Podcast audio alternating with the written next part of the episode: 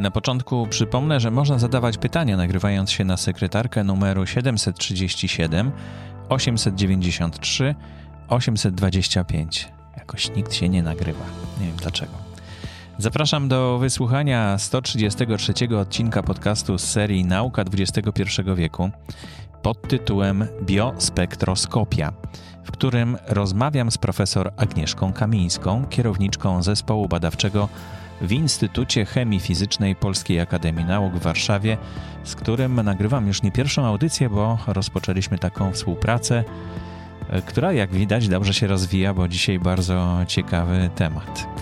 Linki oraz ilustracje do odcinka pojawiają się w rozdziałach odcinka podcastu, w tak zwanych chapterach. Trzeba mieć do tego specjalny czytnik, a polecanym czytnikiem do słuchania tego podcastu jest Pocket Casts. Ja jeszcze odezwę się na koniec audycji. Na razie zapraszam do wysłuchania rozmowy.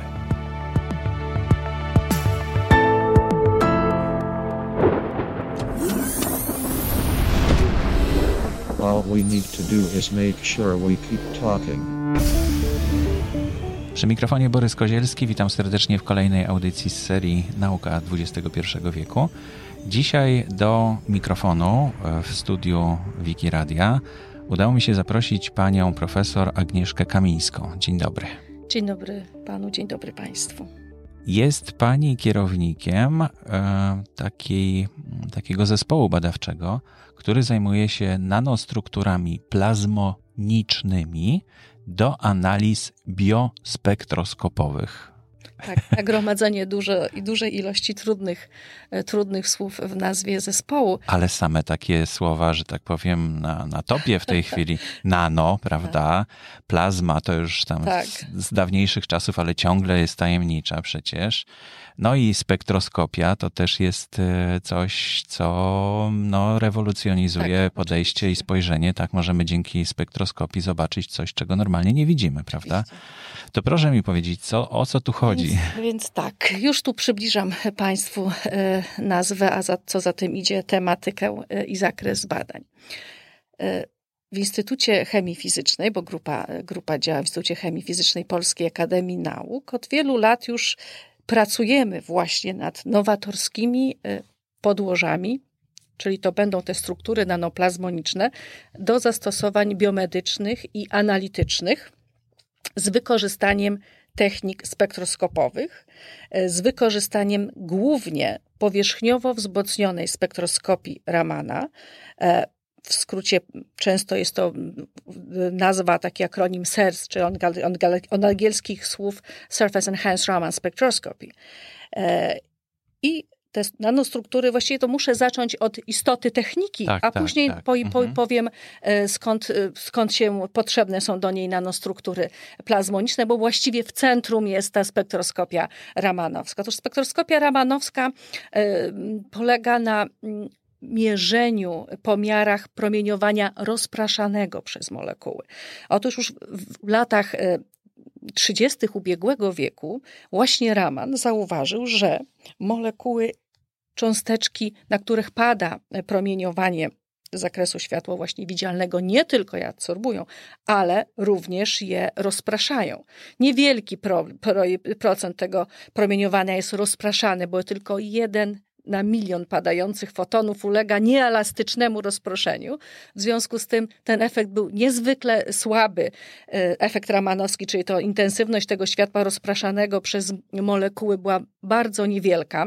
W związku z tym też nie miał jakby praktycznych aplikacji przez długie, przez długie lata. E, Dopiero gdzieś w latach 60., e, kiedy nastąpił. Czyli 30 e, lat tak, później. 30 lat Mhm. później, kiedy nastąpił rozwój i elektroniki, i czułości laserów, detektorów i wszelkiego rodzaju struktur takich właśnie metalicznych, czyli tych nanostruktur. Nastąpił rzeczywiście wzrost z aplikacyjnych zastosowań i możliwości spektroskopii ramanowskiej, a do tego e, jeszcze Fleischmann odkrył właśnie zjawisko SERS, tej powierzchniowo wzmocnionej spektroskopii Ramana. Otóż zaobserwował on, że na, jeżeli molekuły pirydyny leżą na elektrochemicznie, wówczas on użył schropowaconym srebrze, srebrze, wówczas sygnał wzrastał 10 do 3, 10 do 4. Był to niesamowity wzrost intensywności sygnału rozproszonego i tu zaczęła się cała już historia ze spektroskopią SERS i próbowano zrozumieć, w jaki sposób sygnał ramanowski, sygnał rozproszonych, sygnał pochodzący od rozproszonych, rozproszonych, rozproszonych fotonów, tylokroć w stanie jest wzrosnąć w momencie, kiedy on leży na, mhm. kiedy molekuła jest w pobliżu podłoża. I tu pojawiło się mnóstwo teorii. E, myślę, że nawet problem z klasyfikacją e, istniał, e, próbujących wyjaśnić ten ogromny wzrost, wzrost sygnału rozproszonego. Udało się wyjaśnić w końcu są takie główne dwie teorie, mianowicie model elektromagnetyczny, który mówi, że tam w pobliżu molekuły, w pobliżu chropowatej, y, chropowatego metalu wzrastają bardzo silne pola elektromagnetyczne i molekuła będąc pod względem tego pola elektromagnetycznego, generuje swoje, swój sygnał, który jest niesamowicie, wzmacnia nam to promieniowanie rozproszone. Są też modele charge transfer, czyli e, tworzenie takich kompleksów, jeżeli się molekuła absorbuje z elektronami metalu. Czyli, czyli to nie musi być srebro, może być jakiś tak, inny metal. I to są właśnie te, to, to, to nasze nanos, tak słowo nanostruktury plazmoniczne, to są właśnie wybrane metale, e, które są w stanie, e, których, e, które są w stanie nam dojść, do, bo tam się stworzy zjawisko rezonansu plazmonicznego. I to są wybrane metale, które są w stanie ze światłem, z energią światła widzialnego, mhm. bo to światło w zakresie widzialnym albo w podczerwieni jest używane do generowania sygnałów w spektroskopii Ramana i z wybranymi metalami potrafi wejść tylko w zjawisko rezonansu. I to są głównie metale właśnie złoto, srebro, troszeczkę słabiej miedź, ale głównie to złoto, srebro bądź też i, i stopy tych metali, ale muszą mieć, co, co względ, co, co, co ciekawe, na, płaskiej, na płaskim polikrystalicznym metalu złota lub srebra takiego wzmocnienia nie, nie uzyskamy. Aha, muszą być, być chropowate. chropowate. Mhm. I te chropowacizny muszą być w, za, w zakresie mniej więcej od 40 do 60 nanometrów. E, I one wówczas te nierówności wszelkiego mhm. rodzaju. Im bardziej, im bardziej jakieś ostre krawędzie pomiędzy dwoma na przykład też nanocząstkami czy trzema, gdzie tworzy się e, takie luki, gapy, wtedy to pole elektromagnetyczne na tych krawędziach mhm. jest znacznie silniejsze, silniej generowane niż na, płaskim, e, na płaskiej powierzchni. Molekuła będąc w, te, w obrębie takiego pola to są to jeszcze takie kwantowo-mechaniczne, bardziej skomplikowane rzeczy, daje, dostaje silnego wzmocnienia w efekcie sygnału i stąd to, stąd ten SERS daje nam możliwości ogromne wzmocnienia Ale to, sygnału. To chyba wygodne, bo trudno byłoby uzyskać taką zupełnie gładką powierzchnię. Na ogół to są chropowate, no, tak są z punktu widzenia makro, prawda? No tak, to widać, tak. że że to Tutaj są... Y, z tymi właśnie podłożami to jest bardzo długa historia, bo te podłoża ludzie tworzyli, to są takie dziesiątki, setki, jak nie tysiące różnych możliwości, wariantów i, i metod zaprzężonych do tworzenia tych podłoży, bo elektrochemiczne i naparowywanie. No i y, przez, przez wiele lat te podłoża działały, głównie to, to mnóstwo zastosowań, ale, e, ale laboratoryjnych, akademickich, e, bo w, tych podłożu, w tym podłożu leży jakby, jest, jest niesamowicie istotne, żeby to podłoże, oprócz tego, że, bo wcześniej przez wiele lat się ludzie zachwycali tworząc takie podłoża, że właśnie są jakieś nanodruty, nierówności powierzchni, jakieś takie właśnie gapy pomiędzy nanocząsteczkami i tam punktowo było tak zwane hotspoty, silne, mhm. niesamowicie wzmocnienie pola, ale to było w jednym punkcie, a w drugim okazywało się, że tego nie było i nie było homogeniczne podłoża, nie, nie miały tej nanostruktury homogenicznej.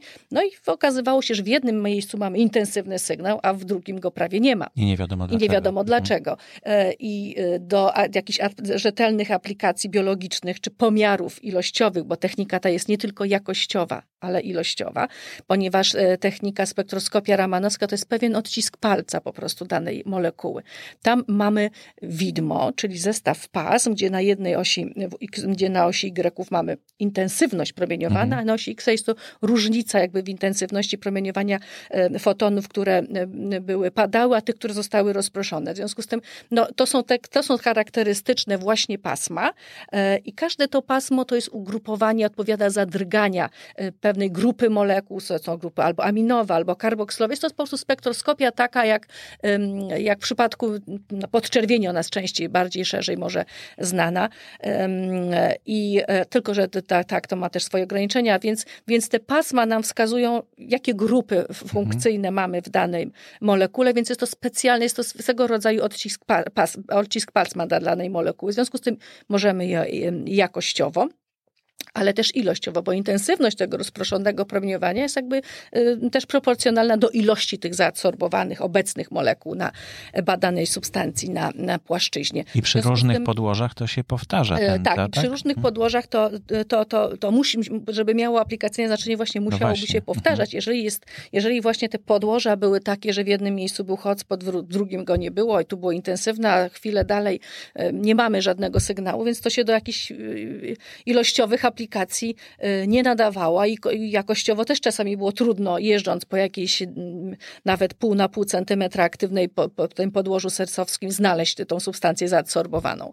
E, w związku z tym, no, te podłoża muszą być, oprócz tego, że, że ten sygnał y, mają wzmacniać, to morfologia musi ich bardzo być homogeniczna. Mhm. Muszą być stabilne też przez, przez mhm. czas, y, przez, przez, nie wiem, jak się je zanurzy do wody, no to nie może się z nimi nic dziać, bo jeżeli się jest na przykład elektrochemicznie otrzymywane, mogą się różne rzeczy z nimi dziać, więc muszą być czułe, to nam właśnie mówi tak zwany, często bardzo popularny współczynnik wzmocnienia w spektroskopii, czyli nam mówi, ile nam sygnał wzrósł y, po położeniu molekuły na powierzchni aktywnej w stosunku do w zwykłej, gdy była w roztworze, takim zwykłym mhm. ramanie mówimy, normalny raman i spektroskopia SELS, czyli bez w balku, bez podłoża i to, co w tym momencie, kiedy położymy na podłoże.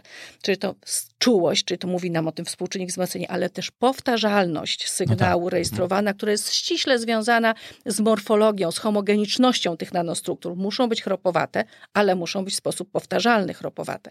I tutaj, no i oczywiście stabilność, prawda, żeby, żeby się nie utleniły w ciągu nam godziny godziny czy no, dwóch no, dlatego metale szlachetne. Tak, tak, tak. Hmm. tak. I żeby, y, żeby ten sygnał był, był stabilny w czasie. I tutaj y, no, rozwój właśnie tych nanotechnologii typu litografia, lasery femtosekundowe, które pozwalały w sposób właśnie taki planowy, stworzyć tą powierzchnię, e, zaplanować ją, żeby była morfologicznie powtarzalna, odpowiednie na przykład albo stożki, e, albo jakieś e, w, postaci jakichś piramid właśnie nanostruktury na tym wytrawione to po prostu złoto w różny sposób zostało, czy też właśnie elektrochemicznie, czy też poprzez wiązkę laserową pozwoliły na utworzenie takiej powtarzalnej, powtarzalnej struktury. No i w instytucie tutaj w, w moim rzeczywiście takie podłoża też wytwarzamy e, w instytucie, które są po prostu dedykowane do, mhm. mogą być dedykowane do y, biologicznych i analitycznych zastosowań, no bo y, na chwilę gdzieś tam jakiś układ możemy sobie zmierzyć widmo, nawet na jakimś hotspocie mamy widmo, jest to y, jakieś, jakieś substancji, jest to w porządku, no ale do aplikacyjnych, biomedycznych musi być ten sygnał powtarzalny, nie możemy go szukać w różnych miejscach. No dobrze, czyli mamy już taką powiedzmy powtarzalną powierzchnię tak. z nanostruktur, zbudowaną specjalnie mhm. do tego celu, żeby była taka, jak powinna być. E, z, mat z materiału z szlachetnego jakiegoś, który się nie utlenia, nie, nie wchodzi w reakcję z innymi związkami.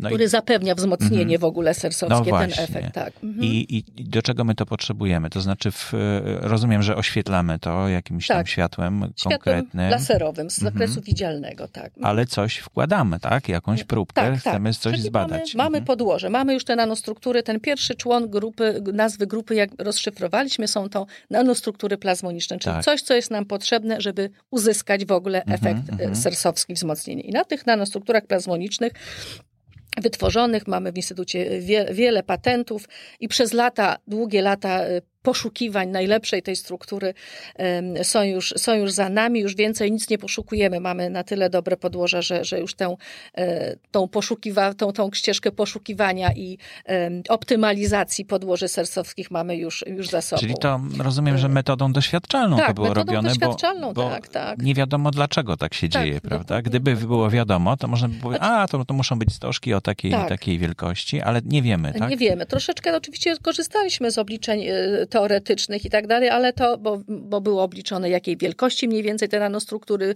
żeby był ten rezonans ze światłem w zakresie, w zakresie widzialnym, padającym, ale to, to wszystko wymagało tak naprawdę doświadczalnej, doświadczalnej Metoda pracy. prób i błędów. Metodą mhm. prób i błędów, szczególnie w przypadku układów biologicznych, te, te które właściwie no, w naszej grupie tu jesteśmy, w Instytucie jesteśmy tak naprawdę no, pionierami badań, jeżeli chodzi o, o, o nawet jeżeli chodzi o właśnie biologiczne układy, bakterie i wirusy, a to do, do, tego jeszcze dojdę. Natomiast no, mamy tę nanostrukturę wytworzoną już i dalej tutaj nie, nie, nie, nie skupiamy się na ich rozwoju, optymalizacji, mamy świetne nanostruktury e, i kładziemy na niej nasz materiał biologiczny. No właśnie, i tutaj czytam, tak. że to na przykład są e, próbki skóry, tak, na której tak. mogą znajdować się grzyby chorobotwórcze, tak? Tak. tak. E... Się, Mhm, tak, tak. Grzyby chorobotwórcze jest to taki jeden rzeczywiście z, z, z, z, tych z, nurtów e, badań, które, które są. To się w ogóle wpisuje w, w, w taką ścieżkę, którą powiedziałaby w naszej grupie, to są badanie patogenów w ogóle. To w tej grupie patogenów są grzyby e, chorobotwórcze, są, e, są bakterie, są wirusy. To jest jakby jedna ścieżka badań mhm. w grupie. Druga idziemy w kierunku, kierunku komórek rakowych, nowotworowych, zarówno tych krążących w krwi, które się oderwały gdzieś od górusów pierwotnych, jak i tkanek e, i komórek po prostu nowotworonych wycinków, mhm. wycinków z guzu. Więc takie dwa, dwa, dwa, dwa źródła. I wracając teraz do, tego, do tego, tej pierwszej ścieżki, pierwszego mm, ścieżki badań, czyli tych patogenów chorobotwórczych wszelakiego rodzaju. Więc tutaj możemy użyć Oczywiście na skórek możemy użyć płyny fizjologiczne zakażone e, bakteriami, wirusami. To będzie zarówno krew, będzie zarówno mocz. Robiliśmy badania z płynu mózgowo-rdzeniowego. No i ten wyciąg z nosa też? I wyciąg, taki? wymaz z nosa, tak. Teraz badamy we współpracy z profesorem Borowcem z, z Łodzi, e, realizując projekt covidowy, czyli badania nad mhm. detekcją mhm. COVID-a, też setki próbek wymazów z nosa, e, z nosogardła właściwie. I też tą metodą udało I też tą metodą znaleźć, teraz tak, tak opracowujemy, mhm. opracowujemy y, publikację, w tej chwili zgłoszenie patentowe w tej chwili działamy. No więc to, y, te, wszystkie płyny fizjologiczne możemy na tą podłożę nakropić. To są, y, zaletą tej techniki jest to, że my naprawdę potrzebujemy pojedyncze mikrolitry tych, y, tych płynów. To naprawdę wystarczy mikrolitr po, położyć płynów, my tego nie zużywamy absolutnie w, w, w jakichś ilościach wielkich krwi. Pojedyncze mikrolitry to są pojedyncze mikrolitry wszelkiego rodzaju płynów ustrojowych. Nakraplane jest to na to nasze podłoże. E, zazwyczaj pozostawiamy do wyschnięcia. Wkładane jest to do spektrometru ramanowskiego. I tutaj jeszcze taki wątek, troszeczkę dygresja do spektrometrów ramanowskich. Mamy spektrometry ramanowskie, które mają na przykład cztery linie wzbudzające, bo czerwoną, zieloną, e, linie nawet UV czy, czy podczerwone. I one zajmują pół pokoju i to są takie mhm. spektrometry, e, no takie powiedzmy sobie do, do badań takich no stricte naukowych, no ale takie były po prostu kupione, kupione e, ileś tam lat temu i cały czas są też takie duże spektrometry, chociaż cały czas się jednak miniaturyzuje, ale mamy też spektrometry ramanowskie i też rozwijamy własne we współpracy też z, z firmami zagranicznymi, własne spektrometry, które ważą 2-3 kg. Są to tak zwane przenośne mikroramany, których systemy detekcji są właściwie już, e, już e, takie same, jak i w tych wielkich spektrometrach. Czyli ten detektor ma taką czułość, która nam pozwala na absolutnie rozdzielczość, mhm. która jest dla nas akceptowalna dla naszych zastosowań e, biomedycznych i w związku z tym mamy małą nanostrukturę.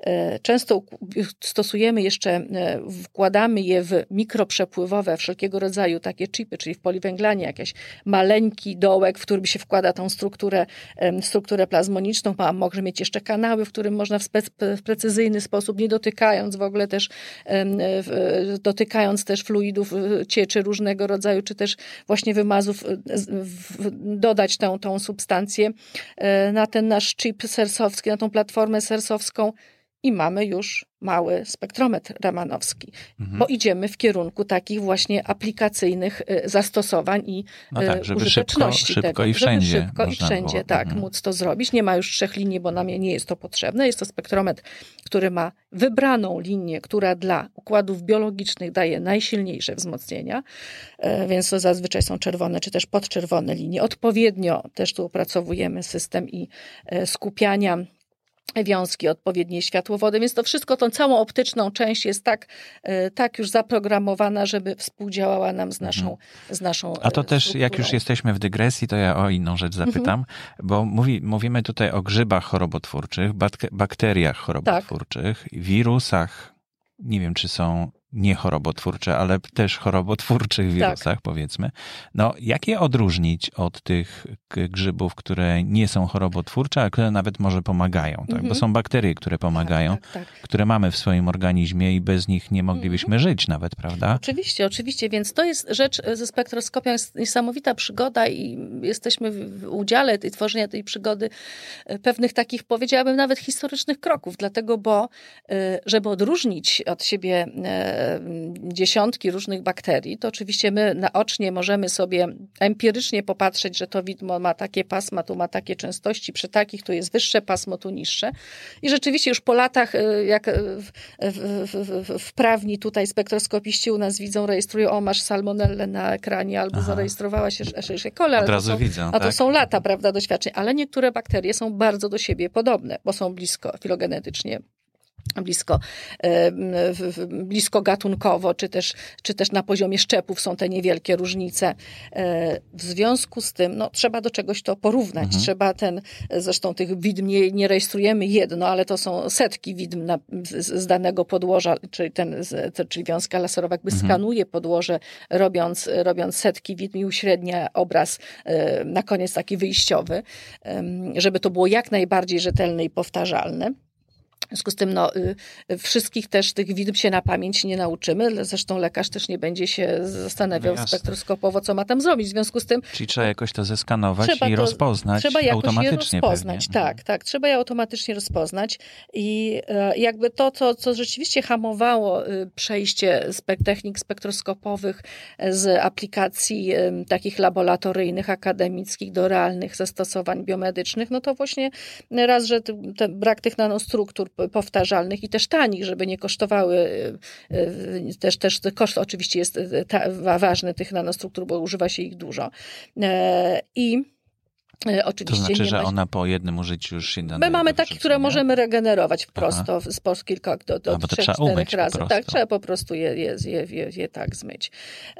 Natomiast no, ważna jest też do czegoś właśnie porównać. Nie, nie było żadnej jakby bazy danych No tak. widm bakterii, a to jest istotne. Nawet jak były w literaturze, bo nie, nie, nie jest tak, że, że jak coś pierwszy zaczęliśmy badać tak naprawdę bakterie, oczywiście w różnych grupach badawczych na świecie się pojawiały rzeczy, ale to były też wyniki takie od sasa do lasa, bo ten robił na linii czerwonej, ten robił na linii zielonej, ten robił na srebrze, ten akumulował tyle czasu, zbierał sygnał, hodował tyle bakterii, więc wszystko wymaga standaryzacji. Każda metoda, która jest, ma być wprowadzona do jakichś aplikacyjnych zastosowań, wymaga standaryzacji. I, no i ku temu jakby dążymy, żeby już począwszy od y, ten rodzaj podłoża, taki czas hodowli bakterii, taką ilość nakładamy, tyle czasu mierzymy i to są takie kroki, jakby no tak, taki przepis, który ewentualnie dostałby człowiek i mówi, że nakrapla tyle, wciska guzik i tak dalej. No ale jak wciska guzik, no to z czegoś musi uzyskać informację, bo to byśmy chcieli, że wciska dwa guziki i, i ma informację, czy ma daną bakterię, czy też jaką ma tą bakterię. No tak jak w filmach jest, Tak. prawda? W, no nie wiem, wrzuca się coś tam Tak, do, do tak, jakiegoś tak. urządzenia i na czerwono się świeci Czy zła jest- bakteria, tak? Tak, zła bakteria, tak. W związku z tym tak, no, no trzeba byłoby do czegoś to porównać i to, co tworzymy, no to tworzymy właśnie bazy, sersowskie bazy bakterii. To w ramach projektu e, TeamTex z, z, Fundacji na Rzecz Nauki Polskiej, który jeszcze trwa, um, który rozszerz- rozszerzyliśmy o część covidową, zaczęliśmy od bakteryjnej, teraz mamy covidowe, covidową, e, covidowy No wirus jest dużo mniejszy tak, niż bakteria, to chyba trudniej go no trudniej, to, to wchodzi do komórki, to też jest inna, inna rzecz. Jeszcze tutaj też o tym jeszcze wspomnę. W związku z tym ta baza bakterii serc jest istotna, żeby móc po, taką, ba, taką bazę zebrawszy, móc nauczyć, bo teraz albo są programy chemometryczne, albo masze, uczenie maszynowe, które, mhm. machine learning, które pozwala nam opracować algorytmy dopasowujące do tego, co, to, co zmierzymy, do tego, co mamy w danej bazie. No tak, maszyna musi mieć jakiś wzór. Tak, muszą być te wzorce, no i to są, no, no to są niestety, no to są niestety, niestety, niestety no to są y, jakieś cztery lata naszej y, ciężkiej pracy. Mamy już y, ponad, y, myślę, około 150 gatunków bakterii patogennych, E, i też odmiany ich na szczepów, e, też jakąś tam liczbę około 50 czy 60. Mm, więc to ogromna, ogromna rzecz, bo należało to wszystko we współpracy z medykami, z biologami wyhodować, zmierzyć kilkadziesiąt razy porównać. I, no i tutaj i wiemy przy okazji, które są szkodliwe, a które, tak, które są tak. chorobotwórcze. Tak, właśnie, tak. Prawda? Mhm. Bo tak. to w, w, we współpracy z medykami, tak? Z medykami. Współpracujemy, mhm. współpracowaliśmy z Narodowym Instytutem Leków, e, w, współpracujemy z Wydziałem Biologii Uniwersytetu Warszawskiego od, od lat. Współpracujemy z, też ze szpitalami w, i warszawskimi, i lubelskimi, i, z, e, z, i właśnie z, z Uniwersytetem Uniwersytetem Medycznym w Łodzi. Y, tych, tych medycznych współprac y, mamy rzeczywiście y, bardzo dużo, nie tylko właśnie na terenie Warszawy, ale też z różnych, z różnych miejsc zależy, co, tam, co, co, co, co potrzebujemy specjalistycznie, jak, jak, jak, jakie rzeczy byliśmy zaangażowani. Natomiast to są we współpracy z medykami i troszeczkę też, też słuchamy oczywiście tych medyków, bo no, o problemach medycznych też wszystkiego nie wiemy, więc słuchując się jakby mhm. w, w, to, co jest, to, to, co jest potrzebne i to, co jest istotne, więc bierzemy rzeczywiście rzeczywiście to, te bakterie badamy, czy też no, no, no, no co, to, co nam wskazują medycy, to, co ma rzeczywiście sens, no, żeby, żeby, żeby tu nie działać jakoś tak bezsensownie tylko na ilość, tylko to, co ma, e, to, co ma znaczenie. Więc tą bazę, e, bazę bakterii już posiadamy. Opracowujemy algorytmy, no, które już częściowo nam bardzo dobrze działają i potrafią z, z dużą precyzją przypisać badane widmo do tego, co jest w bazie. Bywają czasami pomyłki, ale no to chyba to, to, to jeszcze jesteśmy. E, musimy to dopracować, bo pomyłek nie może być, e, więc, e, więc to, ale to, to wyniki są i tak niesamowicie, niesamowicie nas zadowalające.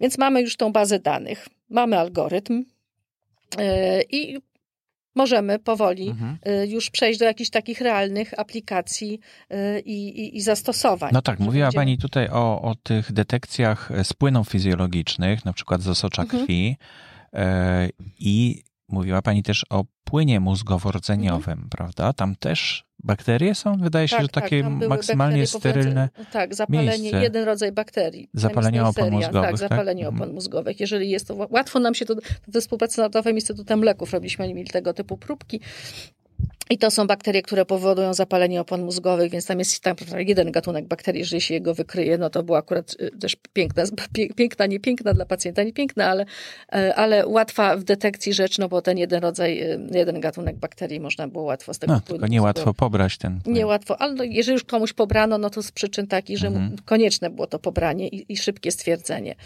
Tak, jeszcze może podam, podam dlaczego, dlaczego technika sersowska, przecież tych technik detekcji bakterii jest, jest dużo, prawda? Bo są metody biochemiczne, jest PCR.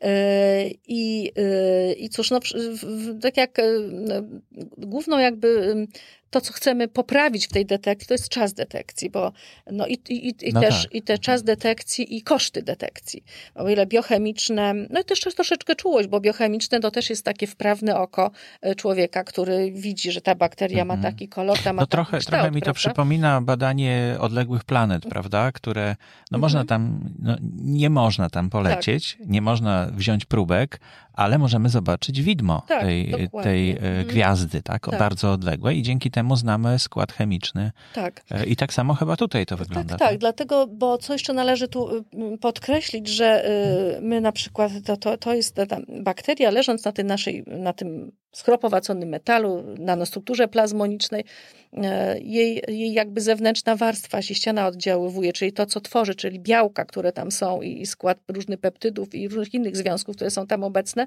one jakby dają główny wkład do obserwowanego sygnału i głównie to, że bakterie różnią się na poziomie właśnie e, szczepów, czy bakterie to mają różne ekspresje różnych białek i to jest świetne, że my możemy to wychwycić, bo my nie badamy DNA, DNA tu nam nie dominuje, chyba, że tą bakterię popsujemy i, i, i rzeczywiście gdzieś tam ją uszkodzimy na tyle, że ten materiał genetyczny wypłynie, to tak, a tak badamy po prostu, y, badamy tą, tą, tą strukturę różnych, różnych białek na, na powierzchni. Więc to jest świetne, dlatego nam daje możliwość, nam daje możliwość e, różnicowania na poziomie gatunkowym i szczepowym. To jest, to jest niesamowite. Troszeczkę inaczej jest w przypadku wirusa. Tu mówimy, że mamy tych, wśród, wśród tych patogenów badamy też wirusy, ale no, wirus wnika do środka tak. komórki. Mhm. Jego tu e, no, nie złapiemy na, za nic, nie, nie zaadsorbujemy. Zresztą no, nie, nie możemy wirusa o takiej, o takiej zakaźliwości e, kłaść i używać sobie i, i badać go. Musimy są to albo dezaktywowane, oczywiście są to, są to dezaktywowane wirusy, albo to, co jakby robią z tą komórką e, po wniknięciu do organizmu. Więc w przypadku wirusów badamy wymazy, i tutaj są dwie ścieżki. Badamy bezpośrednio, jak zmienia się biochemia naszego płynu fizjologicznego, czy też śliny, czy też wymazu z gardła, po tym, jak wirus wniknął do, e, do, mhm. do komórki uruchomił, tak naprawdę ją uszkodził, uruchamiając jednocześnie całą machinę obronną w, w, w, organizmie, czyli pojawiają się białka, e, które zwiększające naszą odporność, czy głównie to są jakieś właśnie interleukiny, czyli takie markery chorobotwórcze stanów zapalnych zaczynają się pojawiać zarówno w ślinie, jak i w... Czyli rozpoznajemy infekcję nie poprzez to, że jest, że, że jest wirus y, tak, odkryty, tylko tak, że tak. broni się organizm. Broni się organizm i biochemia się zmienia, bo mhm. tutaj to, to, jest, to, jest, to wnika do komórki, więc to ile bakterie można sobie tu, prawda, w, gdzie się nawet można przefiltrować z płynu, bo też mamy takie podłoża działające jako filtry aktywne, pokryte właśnie złotem odpowiedniej gradacji, odpowiedniej wielkości porów i y, można przepuścić sobie i złapać te bakterie i je no, no, wyłowić, jakby z, z, zagęścić z danego, z danego płynu fizjologicznego, czy też z krwi, czy też, czy też może przefiltrować je po prostu, mhm. bo filtrowanie bakterii nie jest niczym nadzwyczajnym i położyć je na aktywną, czy też na te filtrować w ogóle przez aktywne podłoża i później tylko pod spektroskopem zbadać, no tyle no wirusa nie przefiltrujemy, prawda? On wnika, on powoduje degradację komórki i kolejne, e, kolejne, e, kolejne jakby reakcje w organizmie. No, a już to... myślałem, że będzie można takie urządzenie, które 2 kilo waży, tak? Mówiła pani, mhm. wziąć no, na przykład tutaj do pomieszczenia, e, skroplić to powietrze, mhm. tą kroplę tam wrzucić, prawda? I zobaczyć, czy tutaj jest wirus. no to, to tak, to chyba to łatwo się nie, nie da. to, to się nie da. To, to, to jeszcze, jeszcze nie ten moment, bo no no, stężenie też byłoby, byłoby istotne, złapanie go w takim pomieszczeniu. No, nie, nie jest to proste. Teraz będzie, no bo to, będzie to byłoby jakieś, nad jakieś marzenie, prawda? Marzenie. Chyba, żeby, żeby zbadać, czy nawet okularami mhm. jakimiś tą, tą, tą spektroskopię zobaczyć, tak? Że o, tutaj w tym miejscu jest jakieś natężenie jakiejś bakterii, a tam mhm. jest wirus jakiś, prawda? I omijać to. Znaczy, może, to, może się to kiedyś wydarzy. Mamy jeszcze za mało jakby tych spektralnych obrazów do bazy danych. Musimy więcej tych biochemicznych, e, biochemicznych, e, e, biochemicznych obrazów włożyć, żeby, żeby rzeczywiście to rozróżniać. Więc to absolutnie mówię, że to nie będzie możliwe. Myślę, że teraz też tego typu projekty nad detekcją właśnie z powietrza też będziemy, będziemy w to wchodzić i będziemy próbować to też właśnie uchwycić, właśnie tego typu rzeczy, jak, jak z powietrza, jak ze szpitala, przenieść mhm. to na no, no, detekcję właśnie z powietrza, bo to też było, było ciekawe, interesujące. No, na razie jesteśmy skupieni na tych płynach fizjologicznych, one są same w sobie trudne, no bo płyn fizjologiczny ma też swój obraz spektralny, oprócz tego, że, że jest tam bakteria czy wirus, no to ma swój, swój, swoje widmo oczywiście daje, bo to jest taka zupa różnych molekuł. Trzeba mhm, je mhm. odpowiednio wybrać, więc tutaj te narzędzia chemometryczne, analizy, chemometria bazująca właśnie na, e, na macierzach, na, na współczynnikach korelacji, to wszystko jest istotne, czyli ten aparat matematyczny jest tu niezwykle, niezwykle istotny, wybranie odpowiedniej metody do analizy tych widm, bo to nie są już proste układy, to nie jest jakaś jedna pirydyna, która da swoje widmo i, i koniec, to, to są takie zupy biologii, bio, bio, różnych molekuł w środku, które trzeba zrozumieć i trzeba odpowiednie narzędzie dobrać, odpowiednią metodę, żeby wyłonić to, co, o, co, o co nam chodzi. Więc to, to jest jakby, no, no, no, to jest konieczność. W tej chwili no, empiryczna analiza to, to już nie przy, nie przy tego typu złożonych układach, to już muszą być, muszą być, musi być uczenie maszynowe, musi być to metody hemometryczne zaprzężone, żeby móc zrozumieć i właściwe informacje wyłonić. W związku z tym tak, w przypadku tego wirusa i tych próbek covidowych, które, które, które, które badamy, no to to zmiany biochemiczne po prostu. Jak biochemia się zmienia, jak markery chorobotwórcze, e, w Ale których to, momentach. To chyba trzeba zachować specjalne warunki ostrożności, prawda? No bo One ta, są taka wszystkie- próbka wirusa, no to Mhm. można się nią zarazić chyba, Wszystkie nie? są dezaktywowane. To są próbki, które Aha. uzyskujemy, to są próbki, które były już przebadane przez, e, w, w, właśnie w Łodzi, w laboratorium. E, już Czyli PCR-em. wiadomo, że tak, one są, wiadomo, że to jest wiadomo, to. tak, Mhm. no bo, bo jakąś też takie badania, ile od czasu, czyli wiadomo ile, w którym momencie była pobrana, w jakim etapie chorobowym pacjenta i, i w związku z tym no, no, y, wiemy już, y, że, że jest to próbka dodatnia, czy też ujemna, ewentualnie czasami się weryfikujemy tymi dwoma już metodami, że widzimy też, że były po- pomyłki też gdzieś się działy i też potrafimy to już zweryfikować, że coś nam tu Mhm. jednak nie, nie pasuje, więc, y, więc to już jakby, no, no musimy mieć jakąś y, metodę em, taką, którą, na której już jest... No to tutaj mówimy tak. o wirusie, prawda, ale w przypadku komórek rakowych, no to takie mm, dodatkowe badanie, jak gdyby zupełnie Tak. inną metodą Jest- potwierdza albo oczywiście. wyklucza, prawda? Tak, To jest... bardziej, że jesteśmy jakby, no, no nie jesteśmy zestandaryzowaną, znawaną metodą, prawda, więc musimy to wypracować i się y, no, nauczyć y, pewnych rzeczy i dopiero dojść do takich analitycznych pe, pewnych, pewnych zastosowań. Więc musimy mieć metody referencyjne, absolutnie. Musimy mieć metody referencyjne, musimy wiedzieć, że to, co badamy, y, no, no jest, jest prawdziwe, także to, to, to te referencyjne techniki, dwie albo trzy zawsze są, zawsze są stosowane. W przypadku, co jeszcze w przypadku wirusa, mówiłam, powiedziałam, że to są właśnie te zmiany biochemiczne, czyli inny obraz jakby jest tego śliny człowieka zdrowego, inny chorego. No, ślina jest w ogóle niesamowita, bo nawet widzimy, że ktoś jest na przykład cukrzykiem, od razu są pasma Aha. które, które na to wskazują. E, I to są, to są pomiary, co jeszcze powinnam nadmienić, które trwają, takie widmo się rejestruje w przeciągu 5-6 sekund. To są takie pomiary, bo na tyle czułe są platformy już, na tyle z optyka jest już e, zoptymalizowana, że, że pomiar po nakropleniu to są, to są sekundowe, sekundowe rzeczy tak naprawdę. Już jest sygnał aż nawet czasami za silny. Więc to są bardzo, bardzo krótki czas. E, Po, Powiem jeszcze, że no nie zawsze jest y, potrzebne namnażanie bakterii. W przypadku żywności, bo też takie pomiary robiliśmy zgodnie też z normami ISO,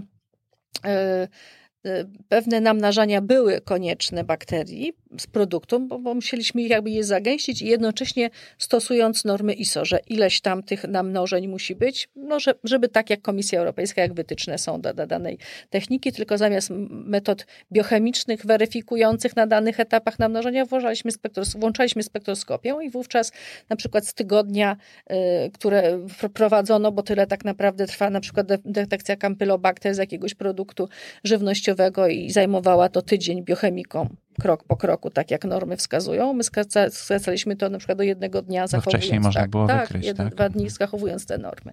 Ale tu musiało być namnażanie. Natomiast no, to namnażanie nie zawsze jest też konieczne w technikach, w technikach sensowskich. To jest, to jest ogromny plu- plus. E, Teraz ostatnio... Czyli są dokładniejsze po prostu, bardziej. E, Czas, czasu po Mhm. prostu nie, nie, wykorzy- nie musimy hodować tego. Nie mamy pożywek, hodowli, e, ewentualnych zabrudzeń innymi bakteriami. I to na przykład niesamowicie działa i taki czujnik na, e, na choroby weneryczne opracowaliśmy, opatentowaliśmy, gdzie rzeczywiście no, jakieś, e, uzyskiwaliśmy ze szpitali e, no takie, to są jakieś pojedyncze mikrolitry właśnie wymazów, i tutaj było takie stężenie właśnie tych bakterii, to- jest takie też, to wszystko ma swoje, jakby swoją specyfikę, każdy, każdy też płyn czy też choroba. Więc tutaj stężenie jest rzeczywiście tych bakterii tak duże, że należało je wręcz, wręcz rozcieńczać solą fizjologiczną te próbki. Kilka sekund. Czyli można by było wcześniej wykryć taką chorobę, Tak, oczywiście. prawda? Z, zanim są- będą objawy Zanim jeszcze. będą objawy. I to, są, i to bez, bez żadnego namnażania, wręcz rozcieńczenie, rozcieńczenie materiału fizjologicznego, wymazu. Na, nakładamy to na platformę i jest już, jest już, jest już wynik. No ten, ten czujnik działa niesamowicie i y, zarówno medycy, jak i biolodzy, którzy współpracujemy, byli rzeczywiście tymi wynikami y, zachwyceni. No wszystko wymaga czasu, bo każdy jest przyzwyczajony do swoich metod, y, prawda, badawczych, ale myślę, że jest tu, że jest tu ogromny, ogromny potencjał do, do, do, do kolejnych badań. Myślę, że będziemy cały czas się w tym kierunku Czyli rozwijać. Skoro to jest takie y, bardzo dokładne, tak, to badanie i takie szczegółowe, no to właściwie należałoby chyba zdrowych ludzi też badać tą metodą, tak? Żeby mhm. sprawdzić, czy nie mają może czegoś już w jakiejś tam takiej mini ilości, która jeszcze nie powoduje żadnych objawów, nie widać żadnych oznak choroby, ale już, tak, no, e, już coś tak, może tak. być. Tak, myślę, że takie przesiewowe w ogóle badania no przy tak. okazji wszystkiego byłyby bardzo, bardzo wskazane. E, I, I pewnie to, to przy kolejnych projektach będziemy już to włączać, natomiast nie jest nasza aż taka wielka grupa w tej, ludzi w tej grupie. W związku z tym też mamy, e, że tak powiem, no tak, e, nie z wszystkim dajemy radę jednocześnie z wszystkimi projektami, z wszystkimi pomysłami, pomysłami działać, aczkolwiek absolutnie tak. No to jest, niech, niech chociażby będą odzwierciedlenia badania nad komórkami rakowymi. Tam nie da się zrobić, powiedzieć, że to jest komórka rakowa, nie mając odpowiednika zdrowej tkanki, mhm. bo byśmy niczym nie, nie, nie ruszyli do popraw, po prostu jest jakiś obraz spektralny. Więc tutaj jest konieczność posiadania zdrowych i chorych wycinków. Tak jak badamy właśnie guzy, które ówcześnie, które, które wcześniej podajemy metodą opracowanym zresztą do, przez nas i opatentowanym homogenizacji specjalnie właśnie takich Aha. tkanek stałych, no bo trzeba z nich jakby e, zrobić, no nie położymy takiej kawałka tkanki na platformę sersowską, no bo tam do, do, do, dotrze to do dotrze to do tkanki, natomiast no, no, nie będzie efektu tego wzmocnienia, więc odpowiednio musi być to e, jakby uśrednione, schomogenizowana ta tkanka i sygnał, zresztą bardzo dobrze działający właśnie z uśrednionej tkanki. Więc musi być tu zdrowa i musi być chora i różnice między zdrową i różnice, które się pojawiają między chorą. No i też to całe matematyczne zaplecze musi być wprowadzone, bo te zmiany na przykład, czy ta ilości tryptofanu, pewnych białek, zmienia się ilość, jakość i stosunki pomiędzy różnymi na przykład przykład białkami, peptydami w, pomiędzy mhm. w tkankach zdrowych i chorych, czy też w lipidach zmiany w ilości i tak dalej.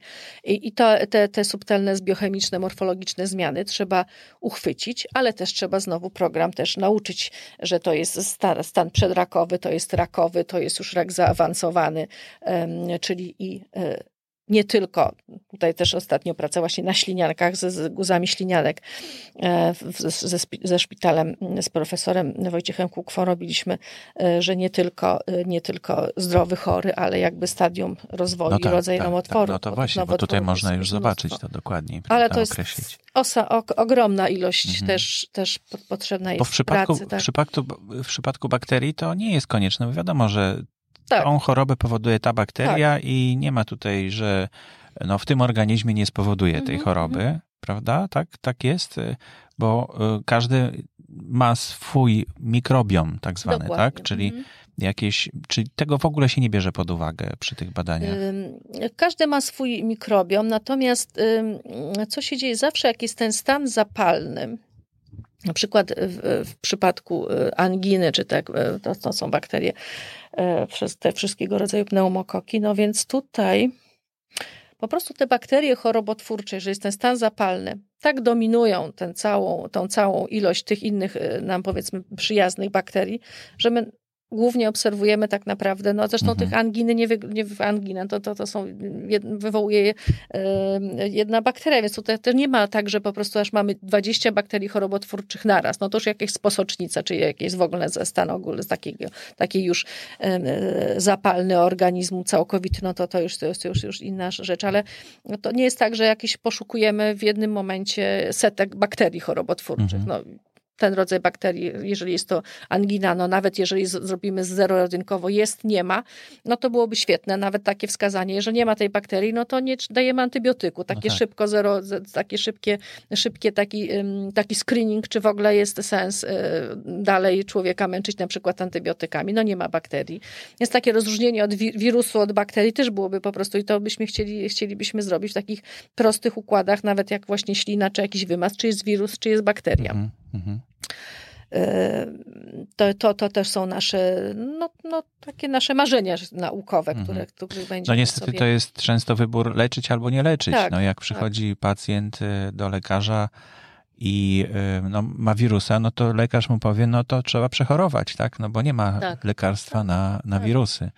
Chociaż już e, chyba na, na tego COVID-a zaczyna się coś kroić, tak? Że coś ma coś być. kroić. No ale to wszystko, wszystko myślę, że tak zależy y, personalnie od danej osoby, tak jak i, no to, to wiadomo, temat rzeka, co, co na kogo będzie działać, że, że, że tak, tutaj to, to jeszcze myślę, że za wcześnie się wypowiadać na ten temat, jak o skuteczności tych y, leków na pewno podnoszą jakoś, na, na pewno będą też, y, no, też podnosić troszeczkę jakąś burzę białkową w organizmie, wy, wywołają, żeby móc tą naszą odporność rzeczywiście wzmocnić. Tak jak, tak jak szczepionka, prawda? Przez, mamy taki szok, szok białkowy, duża ilość odpowiedzi, odpowiedzi w naszym organizmie jest nastawiona na to, żeby walczyć. No i to się różnie tam w czasie, w czasie zmienia. Mhm. No każdy inaczej każdy też reaguje, inaczej prawda? Reaguje, Zależy od tego, co się je, jak się no, funkcjonuje, też, czy jest ruch, czy nie ma. Myślę też, że, że po prostu od, no tak jak w, w, ludzie, którzy mają jakieś problemy e, z autoimmunologiczne zupełnie inaczej, inaczej przechodzą, zupełnie inaczej mają poziom tej obronności organizmu. Więc tutaj to jest prawie każdy przypadek inaczej się, się zachowuje. To, to, jest, to jest bardzo, bardzo personalnie, osobowościowo, to jest związane i osobniczo tak naprawdę. Czyli tylko w wypadku właściwie tych komórek rakowych potrzebuje Pani również próbkę no, wzorcową. Wzorcową. Tak. Mhm próbkę wzorcową. Natomiast tutaj no, tak, dlatego, bo no, zbierając, zbierając te bazy z bazy danych, y, no, czy też jest tak, że jeżeli badamy próbkę żywności, no to w nich się mamy nawet tą bazę danych podzieloną na e, swego rodzaju takie bloki tematyczne, bo są bakterie, które powodują zakażenia żywności, więc w bakteriach e, jakby mamy produkt do zbadania, no to nie będziemy w nich szukać bakterii serii powodujących żerączkę, więc to wszystko od razu musi mieć swój sens, czyli takie bloki tematyczne zakażeń i już nawet, nawet algorytm nie szuka w całej setce, no bo po mhm, co? No, mhm. to jest produkt spożywczy, w związku z tym no, patrzymy na te bakterie, które są w produktach spożywczych, czy to będzie salmonella, listeria, campylobacter, chronobacter, więc idziemy w tą stronę. Jeżeli to jest, e, to, to są choroby weneryczne, no to nie szukamy tych bakterii, ale patrzymy, czy jest Neisseria, czy jest reoplazma, czy jest są, czy są mhm. tego, typu, e, tego typu patogeny. Mhm. A co e, ostatnio mm, jest e, takim u Państwa e, pomysłem na dalsze badania? Bo teraz zajmujecie mhm. się właśnie tym, o czym rozmawialiśmy tak. dokładnie, prawda? Czy już widać, że coś, jak, jak, jakiś mhm. kolejny krok będzie zrobiony? Myśl, czy tak, powinien być więc, y, więc tak, mamy y, tych pomysłów na badania mamy dużo i kolejne projekty, które też, też będziemy z, z medycznymi partnerami y, pisać, a też, czy, czy też już nawet zostały napisane, to są właśnie projekty idące no, będziemy cały czas kontynuować tą, tą detekcję y, bakterii i chcielibyśmy opracować czujniki właśnie działające i takie, żeby móc je komercyjnie już udostępniać do testowania żywność i, i właśnie te choroby weneryczne działają świetnie. Kolejne, e, kolejne możliwości, też kolejne, kolejna detekcja, no, czy, czy na przykład, te, to tak wspomniałam, anginę, to jest kolejna rzecz, na którą byśmy chcieli pracować i taki czujnik już e, do końca e, opracować. Bakterie będą szły jedną, jedną, jedną jakby, jednym kanałem badań, natomiast kolejne rzeczy, to bardzo nam się rzeczywiście spodobała, możli, spodobały możliwości, jakie daje w, w badaniach właśnie onkologicznych i tu, tu, tu, tu pracujemy i będziemy we współpracy. Mm, myślę, że jak uzyskamy dalsze projekty, dalej jeszcze będziemy pracować nad badaniami, e, no właśnie nad takimi markerami biochemicznymi, spektroskopowo wychwytanymi, wychwytanymi w przypadku chorób onkologicznych. Mhm. Tu mamy głównie, głównie właśnie mm, choroby przewodu pokarmowego, e, nowotwory e, żołądka, dwunastnicy, czyli takie wszystkie gastro jakby związane z tym, z, z tym, z tym zmiany chorobotwórcze i krew, mocz to tak, tak, żeby jak najszybciej i często kontrolować i badania przesiewowe mm. szerokim, szerokim, szerokim frontem, żeby szły, żeby znaleźć właśnie markery szybko tych, tych chorób, y, y, zmian rakowych po prostu w, w, u pacjentów i jak najszersza grupa pacjentów jest to potrzebne. Znaczy to, to wszystko wynika z tego, że to nie można zrobić na dwóch, trzech pacjentach, bo z tego można zrobić publikacje, natomiast no nawet już z dwóch, trzech teraz nie można, nawet z dwudziestu można zrobić jakiś tam artykuł publikacyjny, natomiast e, żeby to realnie działało, to trzeba przebadać tysiące takich próbek i do tego są to potrzebne już firmy już, farmakologiczne się tym nawet, zajmują. Tak? Nawet nie, po prostu potrzebny jest taki partner, e, szpital, który jest zainteresowany. Mają tych próbek zazwyczaj bardzo dużo, więc potrzebne są już po prostu projekty, tak żeby zaangażować, e, mhm. zaangażować partnerów medycznych, żeby No i próbek... mówi pani, że są ci partnerzy. Tak, absolutnie, tak, są, są, jest mnóstwo, mnóstwo osób, które są tym zainteresowane. Teraz też projekt złożyliśmy właśnie na tę tematykę badań żeby tych próbek badać po mhm. prostu tysiące, to wtedy jest to, jest to realnie, wyłoni się jakiś obszar badań, nie 20, nie 30 nawet, ale żeby realnie zastosować, to, to musi być ta baza po prostu no tak. dana, duża, duża zrobiona. Ale mówi pani też, że jak już będzie taki produkt, który można komercyjnie zastosować, mhm. to czy to komercyjne zastosowanie to państwo sami jak gdyby produkują te potem komercyjne, mm -hmm. no nie wiem, jak to się nazywa. Spin-offy, startupy. No oczywiście w Instytucie mm -hmm. mamy tego typu e, dużo rozwiązań, chyba już nie wiem, czy cztery, czy może już pięć spółek tego typu wyrosło z Instytutu. E, I e, myślimy też nad tego typu własni, włas, własną, własną, że tak powiem, taką e, na terenie Instytutu z, z, spółką, żeby, żeby móc samemu też to komercjalizować, tak. produkować, dlatego, bo zawsze jest, czy można oczywiście gdzieś, gdzieś oddać komuś pomysły, ale E, ale chyba to e, nie jest dobre rozwiązanie, ponieważ sami najlepiej czujemy, co powinno być dalej zrobione, co powinno być rozwijane, więc e, nie chcielibyśmy, żeby, żeby taka nasza wieloletnia praca i doświadczenie gdzieś, gdzieś tam zostało mm, no, nienależycie wykorzystane. Mhm. Sami wiemy, ile jeszcze możemy rozwijać, w którą kierunku, e, w którym kierunku e, rozwijać tą naszą technologię. Uczymy się e, cały czas dużo. Jest to nasza pasja tak naprawdę, więc można powiedzieć, że, że no, no, sposób na życie, nauka jest, jest, jest czymś, czymś niesamowitym tak naprawdę, jeżeli się, się w, to, w to głęboko wejdzie, to, to, jest to jest to sposób na życie. No i ta interdyscyplinarność, która jest wymagana koniecznie. To nie jest tak jakby chwila, y, czy, czy, też, czy, też, czy też jakaś tam modna sprawa, że modniej mhm. jest, jest być interdyscyplinarnym i wrzucać te słowa nawet nano, bio i tak dalej. Ale myślę, że to jest to wymóg czasów, po prostu jest to, te nauki muszą się ze sobą łączyć, bo inaczej żadne rozwiązania nie powstaną. My bez pomocy medyków, y, biologów też byśmy ślepo obłądzili, bo nie wiemy, w czym mają problem. Musimy te problemy wspólnie, tak, tak. wspólnie te płaszczyzny do siebie jakoś zbliżać. Y, oni też nie wiedzą, co to jest spektroskopia. To też jest jakby inny aspekt tego, że nikt, że. Mm, że te metody są od lat jakby też y, mimo potencjału nie są bardzo wprowadzane, bo, bo nikt od spektroskopii nie uczy na mhm. medycynie. To są, to są takie niszowe y, tematy, niszowa metoda. W związku z tym mimo jakichś tam tysięcy artykułów ze słowem SERS pokazujących się w, w, w ciągu, nie wiem, nawet pewnie miesiąca w tej chwili, to, y, no to do świata medycznego niewiele, niewiele z tego przechodzi, więc w związku z tym no to inter interdyscyplinarność, która jest nie modą teraz, ale już koniecznością, no, no trzeba, ją, trzeba ją wdrażać i, i nie, nie można już od tego odchodzić. W związku z tym te światy odległe czasami, jak, jak chemia, fizyka i medycyna, trzeba próbować je łączyć. Nam, nam też rzeczywiście współpraca y, wychodzi bardzo dobrze. E, nauczyliśmy się już, myślę, wspólnie z, z różnymi, z różny, na różnych płaszczyznach się uzupełniać i działać i myślę, że dalej będzie równie, równie owocnie, a pomysłów mamy, myślę, że na kilka żyć, mhm. żeby, żeby to zrealizować. Czyli ta trzecia już dekada XXI y, wieku, która się rozpoczęła, to tak tak patrzymy, że to już, y, że ten początek wieku, tak, a to już nie jest początek wieku, my już jesteśmy tak, no tak, tak, tutaj w środku.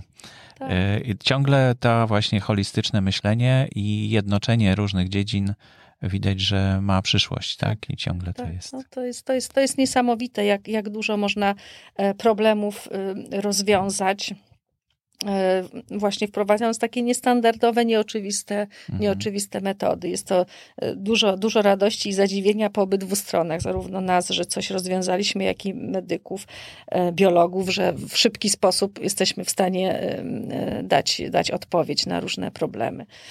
No i dużo pracy rzeczywiście, rzeczywiście jest przed nami, bo, bo mm, nasz zespół jest, nie, jest, nie jest wielkim zespołem, ale, y, ale myślę, że mamy tak niesamowitych y, specjalistów i y, pasjonatów, że, że, że będziemy dalej dalej jak naj, najciekawsze problemy i tematy mhm. rozwiązywać i analizować. Pani profesor Agnieszka Kamińska była moim gościem. Dziękuję bardzo. Dziękuję bardzo. Dziękuję Pani bardzo. profesor, patrzę na zegarek. Dzisiaj jest 6 października. Godzina 11.40 dochodzi, a o 11.45 jest ogłoszenie Nagrody Nobla tegorocznej. No właśnie. Ach, to mamy za chwilę już. Tutaj. Ja bym myślała, że pani Katalin Riko bym obstawiała, ale to jest, to, jest, to jest biochemiczka, która właśnie nad, nad mRNA pierwsze, pierwsze kroki y, robiła i dzięki której szczepionki na przeciw COVID-19 zostały, y, zostały z dużym powodzeniem wyrodzone. Czy, czy to będzie pani Kariko, y, to zobaczymy. Może to będzie ktoś, kto będzie rzeczywiście nad strukturami metalu organicznymi. To był, to był chyba amerykański chemik. Mariagi, czy, on, czy to będzie ta osoba? No zobaczymy. Rzeczywiście mamy taki czas no to chwilkę poczekajmy, prawda? Poczekajmy chwilkę. Może zobaczymy. ja spróbuję pokazać, bo mamy tutaj transmisję. No dobrze, Nobel jest zawsze niespodzianką. Myślę, że, że wszyscy tu, e, każdy może to stwierdzić, że jest to, jest to zawsze, zawsze swego rodzaju niespodzianka. Tych list takich e,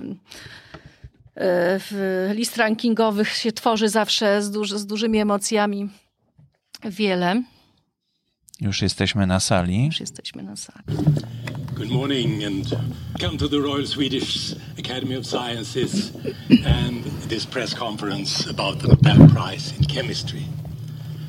Uh, it's good to see so many familiar faces here also today and let me also extend a special welcome to all of you who are watching this press conference uh, on the internet or on TV. I'm Göran Hansson, Secretary General of the Academy and with me today are two members of the Nobel Committee for Chemistry. On my right, Professor Pernilla Wittung Stavsede, and on my left, Professor Peter Schonfey. This year's Nobel Prize is about an ingenious tool for building molecules. Årets pris handlar om ett genialt verktyg för att bygga molekyler. Kungliga Vetenskapsakademien har idag beslutat att utdela 2021 års Nobelpris i kemi gemensamt till Benjamin List och David Macmillan för utveckling av asymmetrisk organokatalys. Czyli nie ma tutaj tych naszych faworytów. No w rankingach go nie znajdujemy, prawda? Czyli zaskoczenie. Zaskoczenie, tak jak e, pani mówiła, że to zawsze jest jakaś niespodzianka. No dobrze, to będziemy w takim razie śledzić to dalej. Bardzo dziękuję, dziękuję, że pani zechciała ze mną doczekać e, do, do ogłoszenia e, tegorocznego Nobla z chemii. Dziękuję również za wizytę w studio.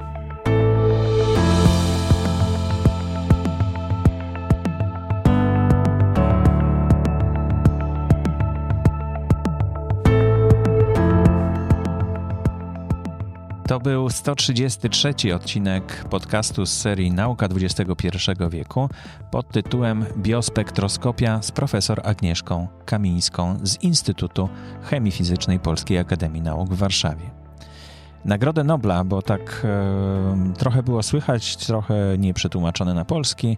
E, Nagrodę Nobla z chemii 2021 otrzymali Benjamin List i Dawid Macmillan za rozwój nowego rodzaju katalizy, tzw. Tak asymetrycznej katalizy organicznej. E, szczegóły oczywiście będzie można doczytać pewnie w wielu, wielu czasopismach e, naukowych czy e, w artykułach, które będą temu poświęcone. Przypominam o możliwości zadawania pytań, nagrywając się na sekretarkę numeru 737 893 825. Podcast Nauka XXI wieku jest dostępny bezpłatnie dla każdego bez reklam. Powstaje dla słuchaczy, nie dla reklamodawców i nie na zlecenie Spotify. Jedynym źródłem jego finansowania jest wsparcie od słuchaczy, czyli od Was, drodzy słuchacze, od Ciebie, drogi słuchaczu poprzez patronite.pl ukośnik Borys Kozielski. Ja wiem, że to czasem jest droga przez mękę, żeby tam przejść, ale naprawdę jak się to raz zrobi, to potem jest starcza na długo. Nie trzeba co miesiąc odnawiać. To dla mnie duże zobowiązanie, naprawdę, to, że słuchacze wspierają to, co robię, bo czuję taką presję troszeczkę, ale to dobrze, bo dzięki temu też mobilizuje mnie to do nagrywania kolejnych audycji, które powodują, że naprawdę y, dobrze się z tym czuję. Bardzo, bardzo lubię nagrywać te audycje i bardzo cieszę się, że e, rośnie liczba słuchaczy. E, dostaję dużo listów od patronów. E, no, ciągle nie mogę przygotować tej audycji, o którą, którą obiecywałem takiej bonusowe, bonusową audycję, w, którym, no, w której podzielę się tymi listami z wami wszystkimi i mam nadzieję, że no może uda się niedługo już nagrać. Najhojniejsi z patronów to Kamil Bielówka, Aleksander Dębiński, Tomek Faber, Kamila Fornalik, Karolina Gorska, Dorota Kozielska, Rafał Kozikowski, Andrzej Lach, Aleksandra Lichaj, Piotr Prochenka, Tomasz Stasiak, Adrian Wiśniewski, no i kilku patronów, y, którzy chcą pozostać anonimowi. Moją misją jest przenieść słowa tych, którzy mają wiedzę i doświadczenie do tych, którzy chcą wiedzieć. Marzy mi się tworzenie audycji co tydzień. Udaje się ostatnio, ale to praca na pełny etat i dlatego bardzo jestem wdzięczny patronom, bo przybliżają mnie swoim wsparciem do realizacji tego marzenia. Pozostałych słuchaczy bardzo proszę o wsparcie, które można zadeklarować już od 3 zł miesięcznie, jeśli tylko ten podcast i jego misja mają dla Ciebie wartość. Zapraszam do zapisania się na subskrypcję e-mailową. Okienko do wklejenia e-maila znajduje się na dole strony podcasty.info ukośnik nauka oraz do kontaktu poprzez stronę na Facebook, a także przez e-maila boryskozielski małpa gmail.com. Żaden list nie pozostanie bez odpowiedzi. Nauka XXI wieku istnieje od 2010 roku. RSS i linki do subskrybowania znajdują się na stronie podcasty.info ukośnik nauka oraz w opisie podcastu. Polecany czytnik do słuchania podcastów to Pocket Casts. I teraz w chapterze można kliknąć na link polecający ten odcinek podcastu, bo e, właśnie Pocket Cast umożliwia e, tworzenie takich linków, także łatwiej się podzielić też ze znajomymi, z osobami, z którymi chcecie się podzielić takim linkiem, nawet konkretnym miejscem E, w podcaście, to znaczy tam minuta 58 na przykład. Nie musicie tego zapisywać, tylko po prostu mm, wybrać opcję share i mm, konkretne miejsce w tym podcaście można wysłać znajomemu, żeby słuchał od tego momentu. No jak klikniecie na przykład teraz w tym chapterze, to właśnie pojawi się taka planszka, która umożliwia podzielenie się tym odcinkiem podcastu. Zapraszam do słuchania innych moich podcastów, których lista znajduje się na stronie podcasty.info ukośnik Borys Kozielski. Najnowsze z nich to podcast pod tytułem Nasze źródła e, i historie, które są również na wolnych licencjach, tak jak Nauka XXI wieku i mogą stać się mm, ilustracjami do haseł w Wikipedii.